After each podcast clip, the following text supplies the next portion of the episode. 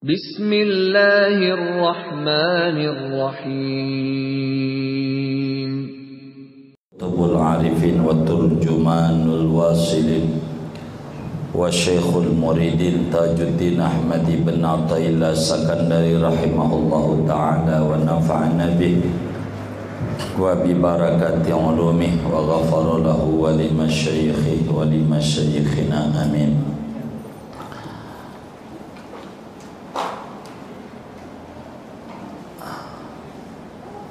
Hab annaka turidul jidda walakin la tusa'idukal quwa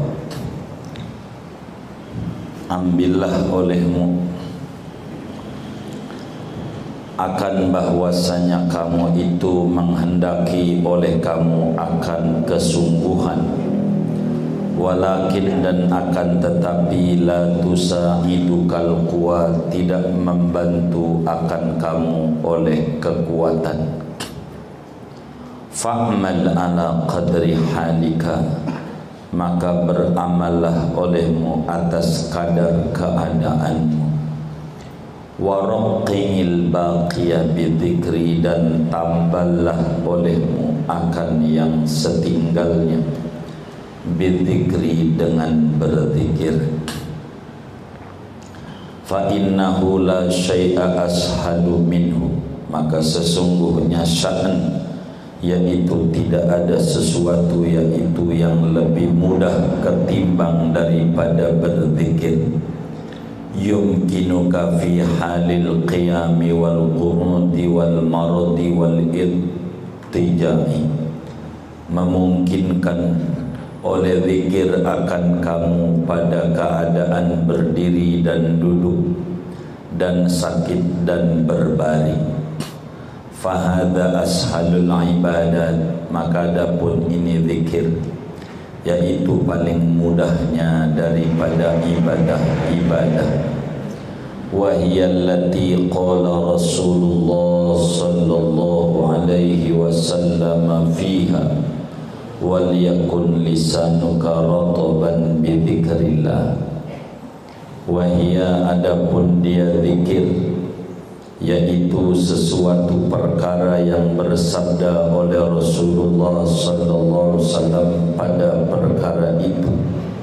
wal yakun lisanuka rataban bi dan hendaklah ada oleh lidahmu yaitu basah dengan zikir kepada Allah. Artinya bahwa obat yang paling mujarab bagi orang yang umurnya sudah 40 tahun ke atas adalah berzikir mengingat Allah. Hal yang paling gampang dikerjakan bagi orang yang sudah senja umurnya adalah berzikir kepada Allah. Kata Imam Ibn Atta'illah pada bagian ini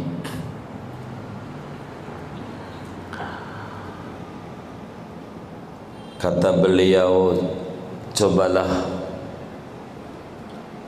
Anggap engkau itu punya keseriusan pengen akrab dengan Allah. Anggap saja engkau memang betul-betul pengen intim dengan Allah.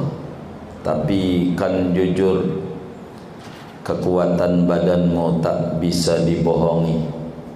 Orang muda tua enggak kuat mau salat banyak enggak kuat. Jadilah orang kaya raya kalau udah tua badan rambut mengandung perak kan kaya. Tulang mengandung kapur. Udah pengapuran kaya. Jantungnya udah bering kan kaya. Begitu kaya. Darahnya udah mengandung gula. Kaya maka keseriusan pengen ibadah itu betul ada andai begitu akan tetapi kondisi fisikmu tak bisa membantu. Sebab udah senja. Karena itu bagi orang yang sudah senja fa'mal ala qadri halik maka ibadah kita yang sesuai saja dengan kondisi kita. Kerjakan nggak kuat diri duduk. Nggak kuat duduk tidur miring. Nggak kuat tidur miring terlentang. Begitulah dalam solat karena kondisi badan yang sudah melemah ibadah sudah menurun mata sudah mulai kabur maka cara yang terbaik harus diisi dengan zikir. Zikir itu lebih tinggi daripada solat Kalau solat mah kudu ngadap kiblat Kalau zikir mah ngadap ke mana aja bebas. Solat mah kudu punya wudhu Zikir mah enggak punya wudhu Tak mengapa. Maka La syai'a ashadu min. Enggak ada sesuatu yang lebih ringan ketimbang daripada kita harus mengerjakan berzikir. Berzikir dan zikir yang paling tinggi adalah bersalawat kepada Sayyiduna Muhammad sallallahu alaihi wasallam. Dalam salawat ada doa dalam salawat ada zikir. Bisa dikerjakan dalam berbagai keadaan sambil diri jadi bersolawat. Sambil duduk jadi berbaring sakit jadi belego dan jadi. Maka ini namanya ashalul ibadat ibadah yang paling ringan adalah berzikir. Dan zikir itu menenteramkan jiwa. Kata Allah ala bidzikrillah tatma'innul qulub.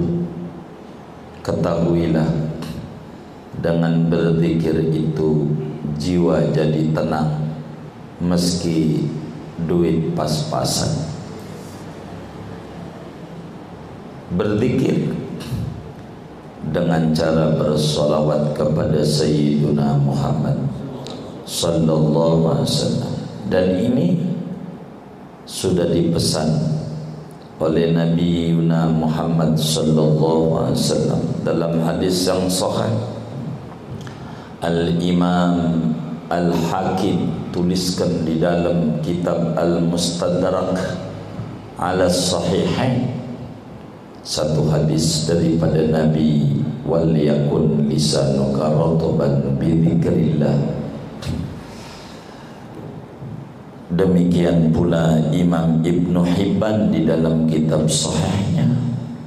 Imam Tirmidzi di dalam kitab Sunan Tirmidzi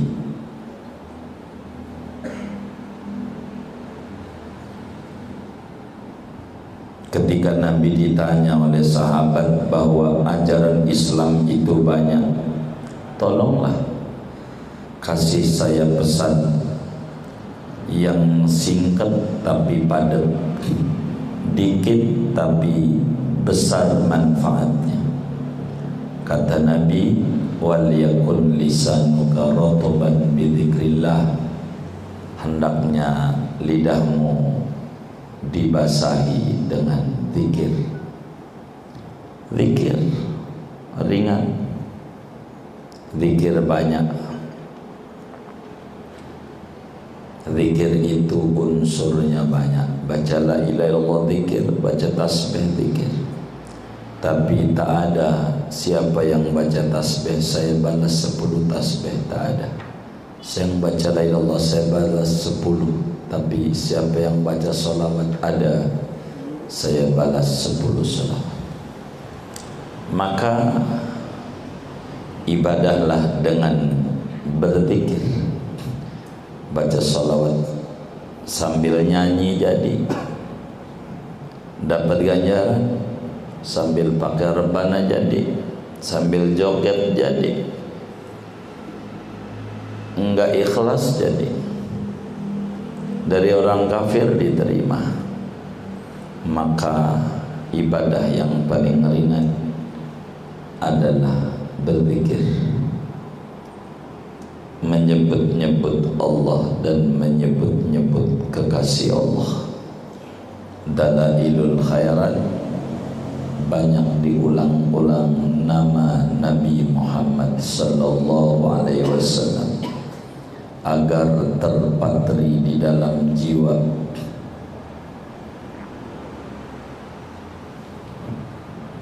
wa ayyu du'ain aw dzikrin sahula alaika fawazib alaih. Wa ayyu du'ain doa mana saja. Au dzikrin atau zikir mana saja. Sahula alaika yang gampang oleh doa atau zikir atas. Fawadib alaihi maka kontinyukanlah olehmu atasnya doa apa yang kita bisa? Dah kerjain itu. Yang penting istiqomah saja. Salawat yang kita bisa Yang pendek enggak apa-apa. Sallallahu ala Muhammad. Asal istiqamah Wa allaw istaqamu ala tariqati la asqainahum ma'an ghadaq Andai mereka istiqamah di atas tariqatul dzikr bersalawat kepada Nabi maka akan aku berikan kepada mereka berbagai macam kemuliaan yang banyak. Fa inna madadahu minallahi azza wa jalla maka sesungguhnya madadnya zikir atau doa itu bantuannya yaitu dari Allah Subhanahu wa taala. Bila kita bersolawat itu karena memang Allah kehendaki kita mulia mengakrabkan diri dengan Nabi Muhammad sallallahu alaihi wasallam. Bila kita membaca tasbih membaca la ilaha illallah al-malikul haqqul mubin. Itu karena kita dapat bantuan dari Tuhan.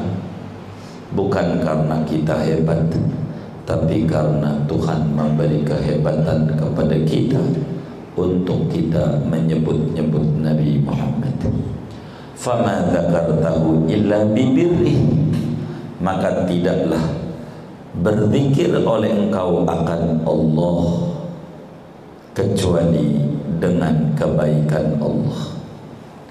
Bila kita mampu zikir mampu baca salawat bukan kita hebat. Tapi karena Allah lagi menunjukkan kebaikannya.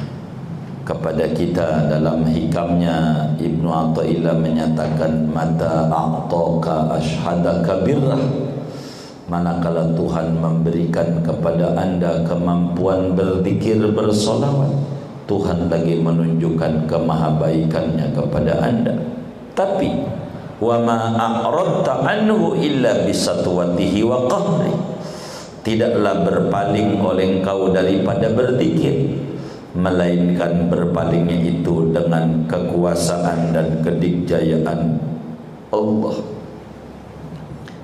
Maka kata Ibnu Athaillah wa mata mana'aka ashhadaka qahra kalaulah kita tidak mampu berzikir tidak mau untuk menyebut-nyebut nama Nabi Muhammad sallallahu alaihi wasallam Tuhan lagi menunjukkan kemahahebatannya dia bisa menghalangi hambanya untuk dekat dengan dia.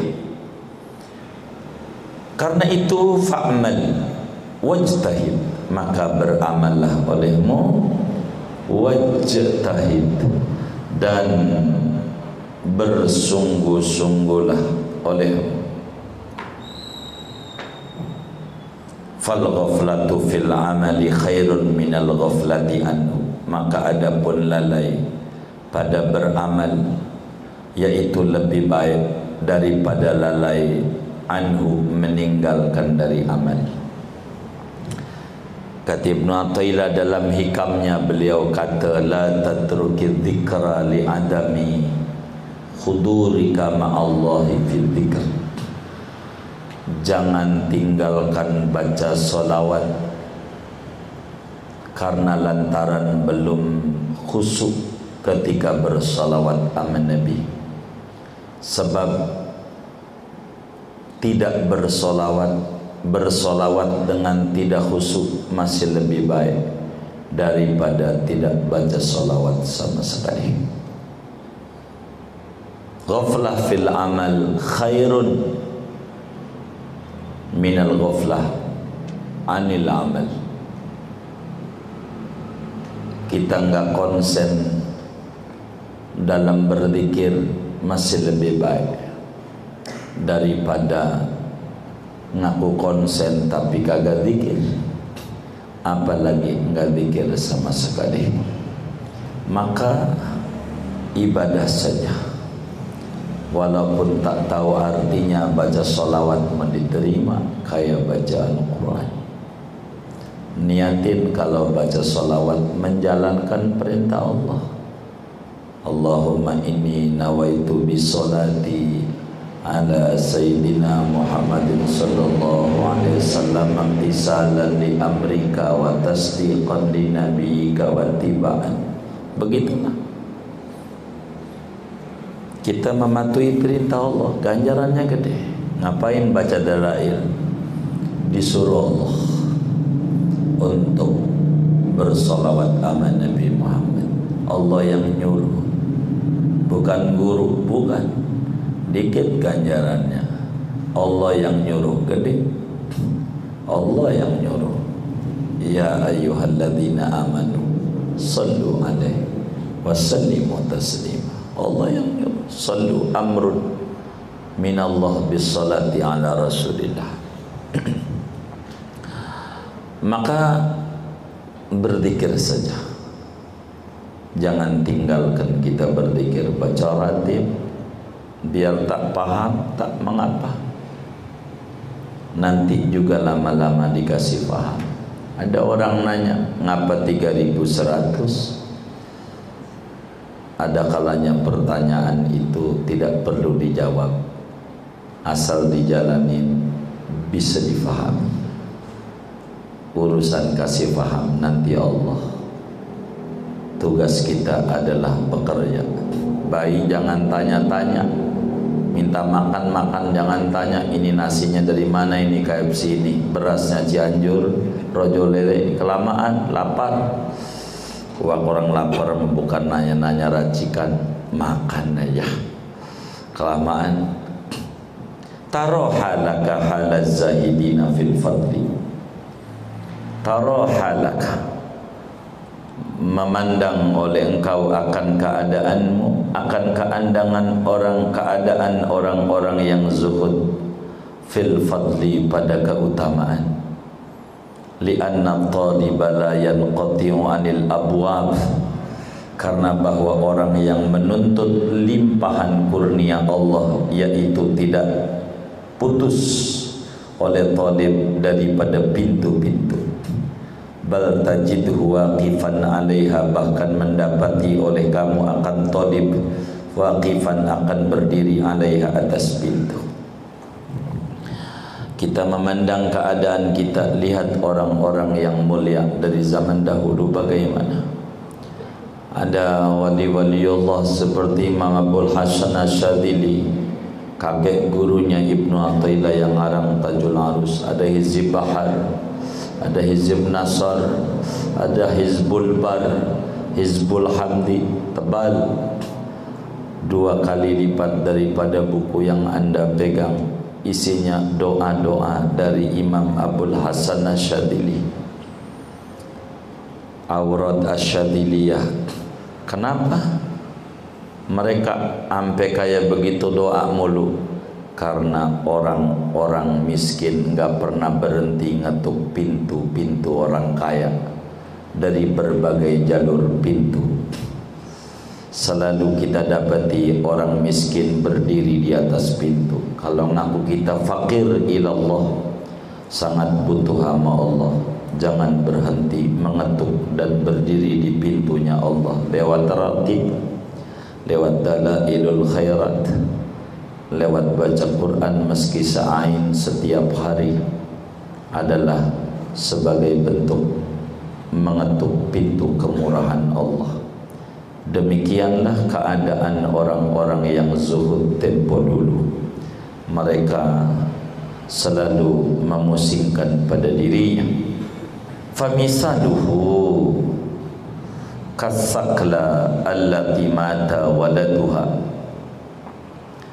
maka adapun perumpamaannya si talib yaitu seperti perempuan yang meratap allati mata waladuha yang mati oleh anaknya sakla. Ataraha tahdurul a'rasa wal afraha wal walaima. Apakah kamu melihat akan perempuan yang meratapi anaknya yang mati? Datang oleh perempuan sakla al-a'rasa akan wedding pengantenan wal afroha dan pesta-pesta wal walaima dan walimah walimah bal hiya mas'ulatun bi faqdi waladiha bahkan dia perempuan itu sibuk dengan kehilangan anaknya Orang yang mengharapkan kasih sayang Allah itu percis seperti perempuan yang ditinggal mati oleh bayinya. Anak yang dia sayangi mati. Bagaimana sikap perempuan itu? Ada pesta, datangkah dia? Tidak bakalan. Ada orang hajatan, enggak ada bakalan. Ada orang walimah, enggak bakalan. Kenapa? Dia lagi pusing dengan dirinya Orang yang pusing dengan dirinya bagaimana selamat di akhirat enggak begitu banyak main-main jalan ke sana jalan kemari ke tempat-tempat hiburan enggak sempet bukan enggak mau karena lagi sibuk dengan kepusingan dirinya. Pengen dekat dengan Allah pengen selamat di kubur pengen selamat di akhirat. Bukan nggak pengen hiburan. Orang yang pengen hiburan adalah orang yang tidak lagi stres. Orang yang stres mikirin bagaimana selamat di kubur tak sempat dia untuk kongres kongko kongko ora beres dia dimanfaatkan usianya untuk sesuatu yang punya nilai. Dia lagi sibuk dengan urusannya. Maka orang yang berharap kasih sayang Allah dia adalah orang yang sibuk dengan dirinya. Karena dia harus dekat dengan Allah sementara umur sudah dekat. Bentar lagi mau jumpa sama Allah mau ngapain apa yang mau dibawa? Mau ngadepin Allah? Udah zaman dahulu dah zaman jahiliyah udah kelewat masa bengal-bengal udah waktunya dekat dengan Allah. Wa kam yursilu lakal maula as-sana'iya wa anta abdun syarudun? Berapa banyak diutus mengutus bagimu oleh Tuhan akan pekerjaan-pekerjaan padahal adapun kamu yaitu hamba yang liar yang kabur-kaburan. Bukankah seorang tuan udah nyuruh ngerjain ini ngerjain itu? Ngapa engkau malah ngerjain yang kagak disuruh Berapa banyak Allah sudah nyuruh dari dulu untuk ibadah Untuk hadir di majlis ilmu Lalu kamu kabur-kaburan tak mau? Famisaduka katifli fil mahdi. Maka adapun perumpamaanmu Yaitu seperti bocah yang ada pada buayan. Kullama hurrika nama Kapan-kapan digoyang-goyang oleh bocah nama maka tidur. Walau arsalalakal maliku khidmatan. Andai mengirim bagimu oleh raja khilatan akan perhiasan. Ma asbahta illa ala babi. Tidaklah berpagi-pagi engkau melainkan di atas pintunya raja. Fagtanim au qatat taati maka ambillah kesempatan olehmu akan waktu-waktu ketaatan. Wastabir alaiha dan bersabarlah olehmu atas menjalankan ketaatan. Seorang baik bila di dalam ayunan digoyang-goyang ayunannya tidur. Apakah kita kemudian itu digoyang-goyang oleh Tuhan. Dengan nikmat-nikmatnya lalu kemudian kita tidur. Maka kita bocah namanya. Coba bagaimana bila raja ngasih hadiah. Bukankah pagi-pagi kita mengejar pintu raja? Tuhan kasih hadiah surga. Kenapa kita enggak mengejar itu pintu Tuhan Supaya dikasih surga?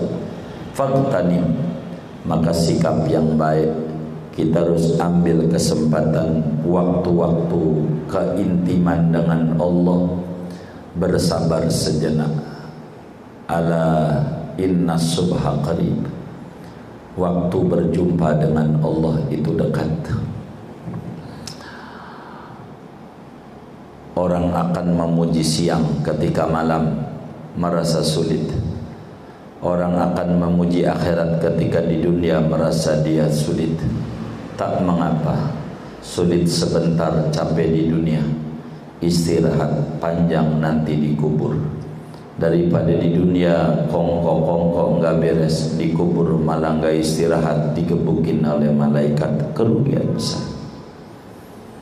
In talabta an ta'siyahu fatlub makanan la yaraka fi Jikalau menuntut oleh kamu akan bahwa mendurhakai oleh kamu akan Allah Fatlub maka tuntutlah olehmu akan tempat la yaraka fihi yang tidak melihat oleh Allah akan kau fi padanya. Watlub quwatan min ghairihi taksihi biha dan tuntutlah olehmu akan kekuatan dari selain Allah taksihi yang mendurhakai oleh kamu akan Allah dengan kekuatan itu. Walan tastati'a syai'an min dzalika dan tidak sekali-kali mampu oleh kamu akan sesuatu dari yang demikian itu makanan dan kuatan. Li'annal kulla min ni'ami. Karena bahwa keseluruhannya itu daripada nikmat-nikmat Allah atakhudu ni'amahu wa ta'sihi biha? Apakah mengambil oleh kamu akan nikmat-nikmat Allah lalu mendurhakai oleh kamu akan Allah dengan nikmat itu?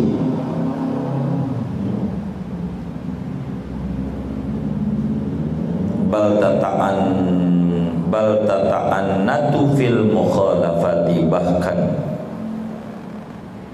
Berta'anut oleh kamu maksa-maksain diri oleh kamu pada penyimpangan.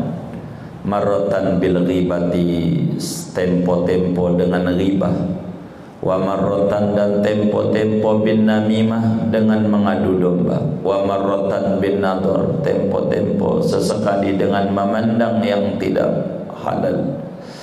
Wa ma banaitahu fi sab'ina sanatan tahdimuhu fi nafasin wahid apa yang membangun oleh kamu akan dia pada 70 tahun.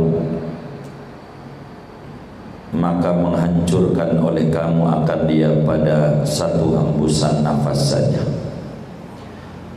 Kata Imam Ibn Atta'illah bagaimana kalau kita pengen mendurhakai Allah? Ada caranya kalau kita pengen mendurhakai Allah asal bisa caranya silakan Bagaimana caranya? In talabta an ta'siyahu fatlub makanan la yaraka fi.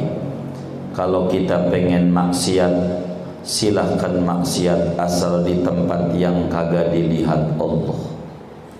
Dulu Ibrahim bin Adham pernah ditanya oleh seorang muridnya Tuan saya pengen durhaka Allah. Kata Imam Ibrahim bin Adham boleh saja asal bisa caranya. Dia tertarik dengan caranya. Apa caranya? Kata Ibrahim bin Adham idza aradta an ta'si Allah taala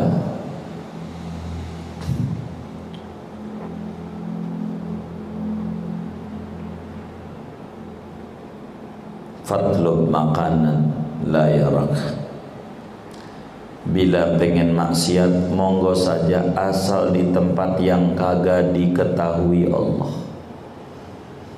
Di bar dilihat Allah di pasar dilihat Allah di kantor lihat Allah. Wah nggak bisa. Ya kalau nggak bisa jangan maksiat. Kenapa kau ambil gajinya tapi kemudian kau bangkangi perintahnya rezekinya kau mau tapi perintahnya kau tak kerjakan betapa dungunya engkau Kedua, kata Ibnu Athaillah, kalau pengen maksiat silakan. Jangan makan dari rezeki Allah. Boleh maksiat asal jangan menggunakan rezeki dari Allah. Jangan makan dari Allah. Jangan pakai lidah Allah makannya. Jangan pakai tangan Allah. Dari Allah dan itu tidak bakalan anda sanggup sebab semua yang ada pada diri anda murni nikmat Allah kalau sadar itu adalah nikmat Allah apa ya pantas nikmatnya kau ambil lalu yang kau setor kepada Tuhan adalah dosa dan dosa. Sikap bijakkah orang yang selalu mengambil gaji lalu kerjaannya enggak dikerjakan perintahnya enggak dikerjakan? Bijakkah orang yang nikmatnya dari Allah sudah dipakai mata dari Allah kaki dari Allah tenaga dari Allah lalu tenaga yang ada hanya untuk mendurhakai Allah. Jangan sering kali kita maksain diri untuk membangkang Allah. Kadang gibah jalan ke rumah teman hanya mau gibah Marani si anu hanya mau namimah. Betapa umur 70 tahun ibadah dibangun dirusak dengan sekali gibah orang gibah itu sama dengan memperkosa ibu sendiri di 70 kali.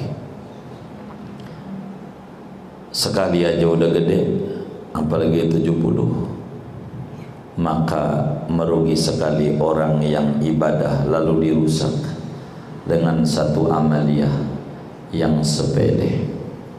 Bangunan yang mudah dibangun menjadi hancur lantaran salah. Kata Ibrahim bin Adham bila anda pengen durhaka satu jangan makan rezeki dari Allah. Silakan. Dari mana semua yang ada di muka bumi adalah dari Allah? Tidak pantas rezekinya kita makan Lalu Allah yang ngasih rezeki kita bangkangi. Kalau pengen maksiat jangan tinggal di bumi Allah. Di Mars punya Allah. Pluto punya Allah. Kalau enggak bisa jangan maksiat. Bagaimana mungkin nikmatnya diambil? Berdiam di bumi Allah lalu perintahnya tidak diikuti. Orang Amerika tinggal di Indonesia kagak boleh pakai peraturan Amerika tapi kudu pakai peraturan Indonesia. Uang tinggal di negara orang. Orang yang tinggal di bumi Allah tidak boleh pakai peraturan sendiri suka-suka gue tapi harus mengikuti peraturan Allah alangkah dungunya orang yang tinggal di bumi Allah lalu yang punya buminya didurhakai Ya hadimat ta'at Ma sallallahu alaikal faqad Illa litarfa'a halataka ilaih Wa litanjami'a alaih Wahai orang yang menghancurkan segala ibadah.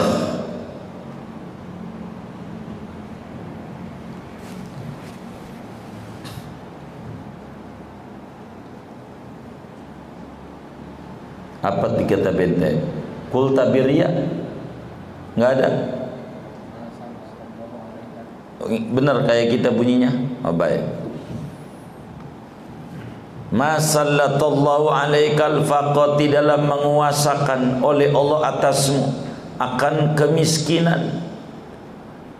Illa melainkan litarfa'a agar supaya naik oleh meningkatkan oleh faqah halataka akan keadaanmu ilaihi menuju kepada Allah.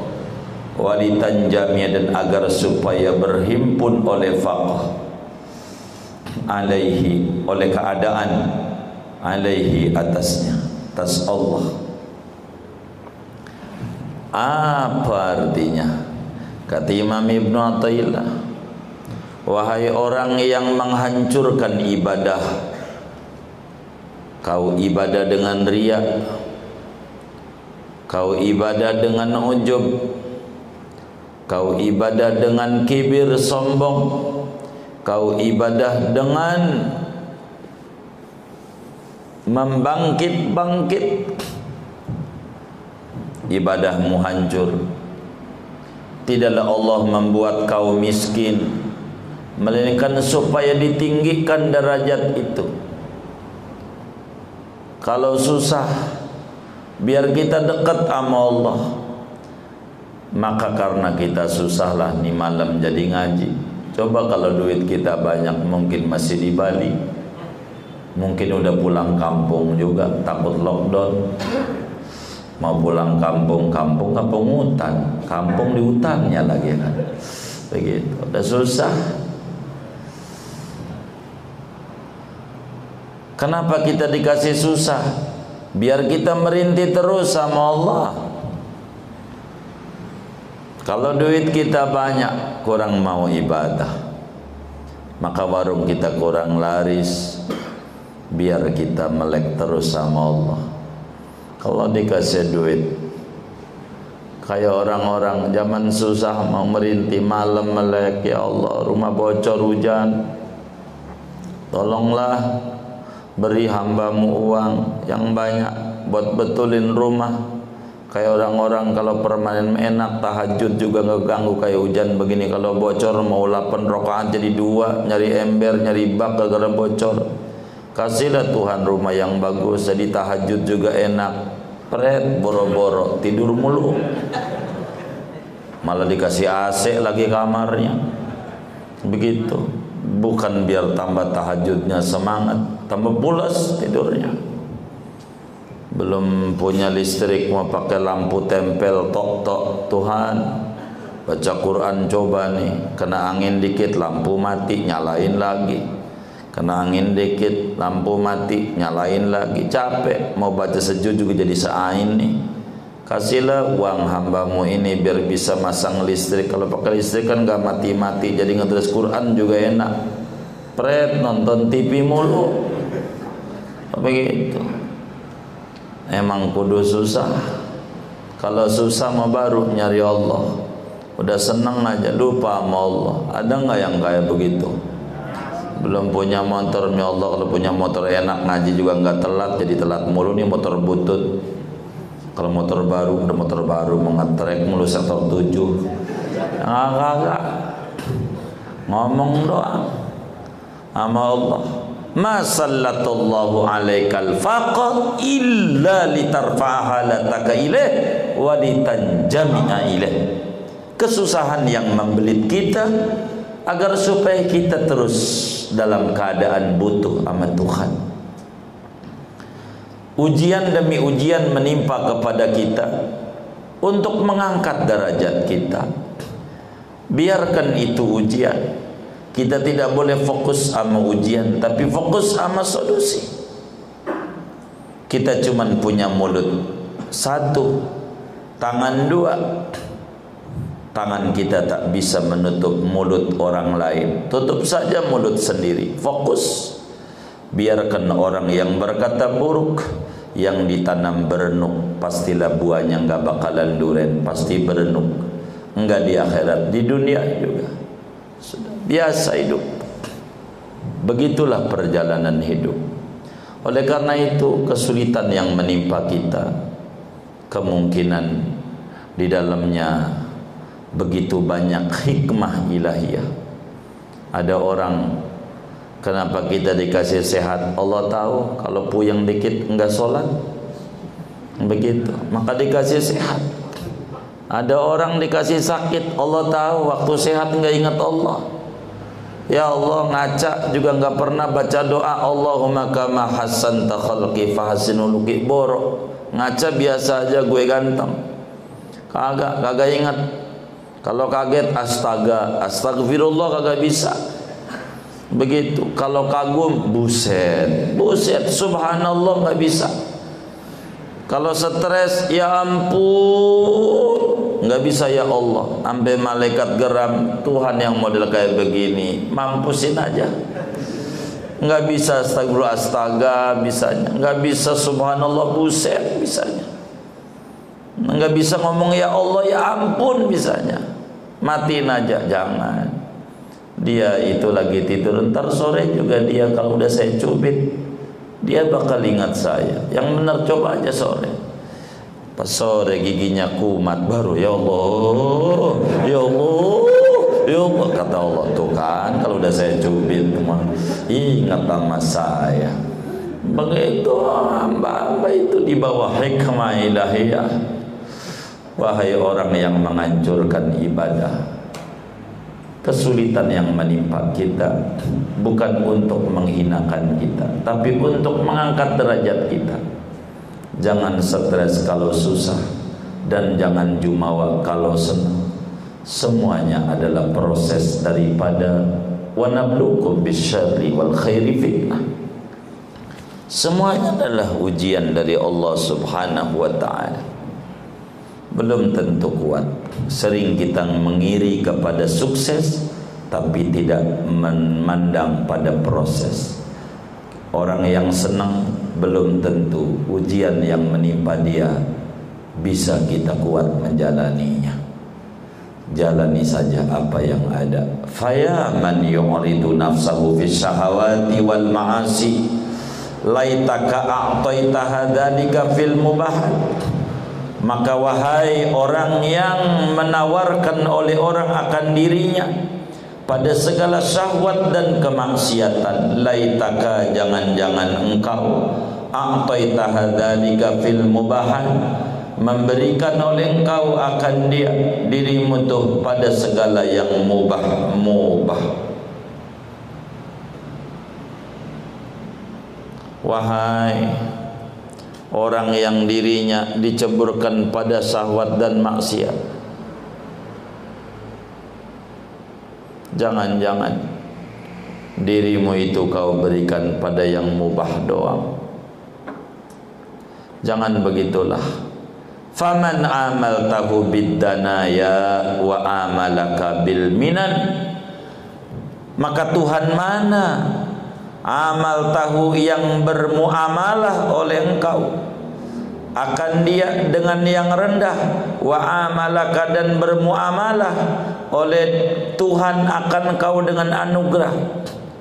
Siapa yang mana dia memberikan kita nikmat lalu kita balas dengan kerendahan maksiat kaifala tuhibbuhu bagaimana tidak mencintai oleh engkau akan dia. Betapa Tuhan menerima ibadah kita yang sedikit meski nikmat yang diberikan besar. Punya duit 100 juta yang Tuhan minta 2 juta setengah. 97 juta setengah buat kita hura-hura. Boleh. 2 juta setengah zakat dikit. Kudunya juga kita cinta sama dia man amalaka bil karami wa amaltahu bil law kaifa la tuhibbu? Siapa Tuhan yang bergaul oleh Tuhan akan kau dengan kemurahan? Wa amal tahu dan mempergauli oleh engkau akan dia dengan celaan. Kaifa la tuhibbu? Betapa tidak mencintai engkau akan dia. Tiap hari yang kita setor kemaksiatan, kemaksiatan dan kedurhakaan. Sementara Tuhan tiap hari memberikan kita hidup, kesehatan, oksigen gratis. Kudunya juga kita mencintai dia. Anjing saja. Dikasih makan tiga hari. Tiga bulan pagi siang malam, pagi siang malam, pagi siang malam nurut. Ama yang ngasih makan hanya tiga bulan mengerti balas jasa. Sementara Tuhan ngasih makan nama kita bukan tiga bulan Bertahun-tahun Betapa kudunya kita yang nurut sama Tuhan Anjing aja nurut sama yang ngasih makan ama Saya kita tak nurut sama Allah yang ngasih makan nama kita Siapa yang kita pergauli dengan rendah Namun dibalas dengan berlimpah kurnia Bukankah dia Allah? Kenapa kau tak mencintainya? Siapa yang tiap hari kita setor kepadanya kedurhakaan sementara dia memberikan kita kurnia yang berkelimpahan? Bukankah dia hanya Allah saja? Ni'mal maula wa ni'man nasir. Mengapa kita tak mencintai Allah? Maka kudulah kita cinta sama Allah yang sudah begitu banyak berbuat baik kepada kita. Rugi kalau kita tidak bergaul dengan Allah dengan baik. Ma ahadun yashabuka fayanfauka. Tidak ada seorang pun yang bersahabat oleh orang akan kau maka memberi manfaat oleh orang akan kau. Wa kullu man yashabuka innama yashabuka li nafsi adapun tiap-tiap orang yang bersahabat oleh orang akan kau innama yashabuka li nafsi sesungguhnya bersahabat dia akan kau untuk dirinya sendiri Jangan kau kira enggak ada orang yang mati ditangisi oleh orang lain. Kagak ada. Kita ngumpulin duit banyak tanah berhektar-hektar duit di bank-bank kita taruh. Di mana saja kita taruh. Lalu kita mati ada yang nangisi kita? Kagak ada. Tidak ada seorang pun yang kalau kita mati ada yang nangisi kita. Hatta walau bini ampe bini kita kagak bakalan kita mati nangisin kita. Enggak bakalan. Hatta anak kita hatta anak kita kita mati enggak bakalan nangisi kita. Enggak ada. Kata Imam Ibnu Athaillah kagak ada. Wa kullu man yasabuka innama yasabuka nafsi. Kalau ada suami mati bininya nangis yang ditangisi bukan lakinya tapi kepentingan dirinya. Ini rumah bakal jadi warisan keluarga lakinya. Anak mati bapaknya lalu nangis tuh anak itu nangis bukan nangisi bapaknya, nangisi dirinya bagaimana kuliah sekolah dia. Bukan bapaknya dikubur bakal dapat nikmat apa kagak? Kagak ada. Kita mati kagak ada yang nangisi kita kecuali diri kita. Nanti bakal tahu itu kita kalau kita udah mati. Ada kiai mati murid nangis Itu bukan nangisi kiai Tapi nangisi dia ngaji ke mana Kagak ada orang yang nangisi Kecuali nangisi kepentingannya kalau kita enggak ibadah, sampai kerja pala jadi kaki, kaki jadi pala demi bini, bini masuk surga kita enggak sholat, rugi kita. Tidak ada orang yang bergaul sama kita lalu memberi manfaat sama kita, enggak ada. Tiap orang akan menangisi kepentingannya. Kita mati, bini kita nangis, tidak nangisi kita. Dia nangisi kepentingannya dia, hartanya bakal dibagi oleh keluarga lakinya Suami bapak mati, anak nangis bukan nangis si bapak, nangisi kepentingan dirinya. Maka kalau kita mati kagak ada yang nangisi kita kecuali diri kita sendiri. Dan mumpung belum menangis sekarang harus membuat diri kita tersenyum. Ketika nanti orang-orang pada menangis Innama tuhibbuka zawjatu litajtaniya minka matoyibal aishi wal malabis. Hanya saja mencintai akan kau oleh istrimu Agar supaya memetik oleh istri dari engkau akan keenakan hidup dan pakaian. Istri kita cinta sama kita karena kepentingan dia Bukan kepentingan kita. Kalau kita enggak ibadah rugi Wa kadzalikal waladu yaqul. Demikian pula anak dia berkata asuddu bika dhuhri. Aku menguatkan dengan engkau akan punggungku. Kita mati, anak kita bilang, siapa yang bakal bayarin sekolah? Itu yang dia tangisi. Bukan bapaknya yang nyekolahin dia apa masuk neraka, apa masuk surga, apa matinya bawa iman, apa tidak. Apa dikubur bakal lolos dari pertanyaan mungkar nakir apa tidak? Kagak ada yang nangisin kita kecuali kudu kita sendiri. Faida kabirta walam tabqa fika quwatan wala. Buktinya apabila engkau telah tua walam tabqa fika quwatun dan tidak tersisa padamu oleh kekuatan wala baqiyatun dan tidak setinggalnya rafaduka maka membuang oleh mereka kan kau berapa banyak orang tua ketika udah jompo ditaruh di panti jompo kagak diurusin. Itu menunjukkan dia tidak sayang kepada kita. Maka kita kudu menyayangi diri kita sendiri kudu ibadah kudu ibadah kudu ibadah Betapa istri kita kalau kita untung bagi bang, bagi beli emas, beli emas. Kalau kita dagang rugi, emang lu mau bego bang, bego, bego, coba itu. Oh emang susah. Maka tidak ada yang menangisi kita kecuali kudu diri kita. Umur kita yang terbuang sia-sia.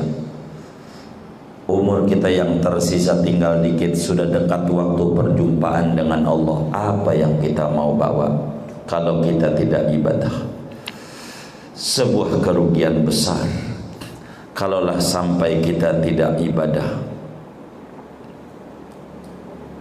dulu Rasulullah sallallahu alaihi wa alihi wasallam ketika Qubaisah Al-Hilali datang kepada Rasulullah mengucapkan salam dengan muka yang sangat murung dan pucat pasi maja'a bika ya Qubaisah?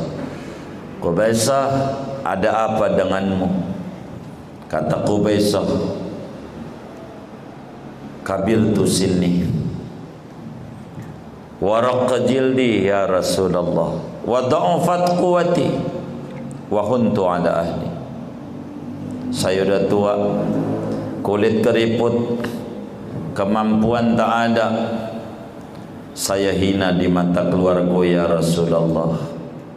Saya enggak mampu mengerjakan sesuatu. Tolonglah ajarkan aku. Untuk aku bisa amalkan dalam usia yang senja. Kata Nabi baca aja. Subhanallah wa bihamdihi subhanallahil azim. La haula wa la quwata illa billah. Baca ku besok. Insya Allah di usia senjamu bermanfaat. Keriput kulitmu akan berubah menjadi bagus. Allah jaga dari berbagai penyakit. Asal baca subhanallah. Wa bihamdihi subhanallahil azim. La haula wa la quwata illa billah. Maka muslim yang baik a'dadtu lil khairi kullihi bismillah. Yang baik saya pakai bekal bismillah. Yang buruk saya pakai bekal billah yang buruk yang enak kalau nikmat alhamdulillah. Kesuburan asyukrulillah. Subur. Kalau sebut begitulah kita orang. Kalau enggak mau dekat sama Allah sebuah kerugian. Maka tidak ada yang sayang sama kita. Kalau mau jujur kecuali harus diri kita yang menyayangi kita. Banyak bersalawat aman Nabi gantung aman Nabi. Seperti temannya pengarang Tajul Arus Ibnu Athaillah punya teman akrab namanya Imam Busiri. Dalam burdahnya beliau mengajarkan kepada kita ya akramal khalqi mali man aludu bihi siwaka inda hululil hadisil amami. Wahai makhluk yang termulia Rasulullah tidak ada sandaran bagi saya. Umur senja ngadepin cobaan berat di akhirat dikubur kecuali sandaran yang kau aja andalan saya hanya bersolawat kepadamu. Agar supaya saya bisa sukses di usia senja saya di dunia. Supaya sukses di kubur dan supaya sukses di akhirat. Tidak ada sandaran karena enggak ada yang sayang nama kita selain kudu diri kita caranya mendekati Rasulullah sallallahu alaihi wasallam. Banyak-banyak bersolawat aman Nabi supaya kita waktu orang-orang menangis kita tersenyum.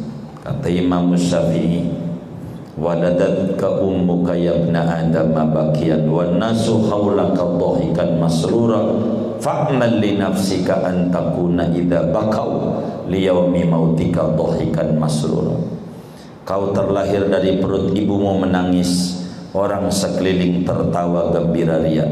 Kau kudu beramal dengan amal yang saleh untuk kepentingan dirimu agar supaya kau bisa balik keadaan lahir dengan pulang.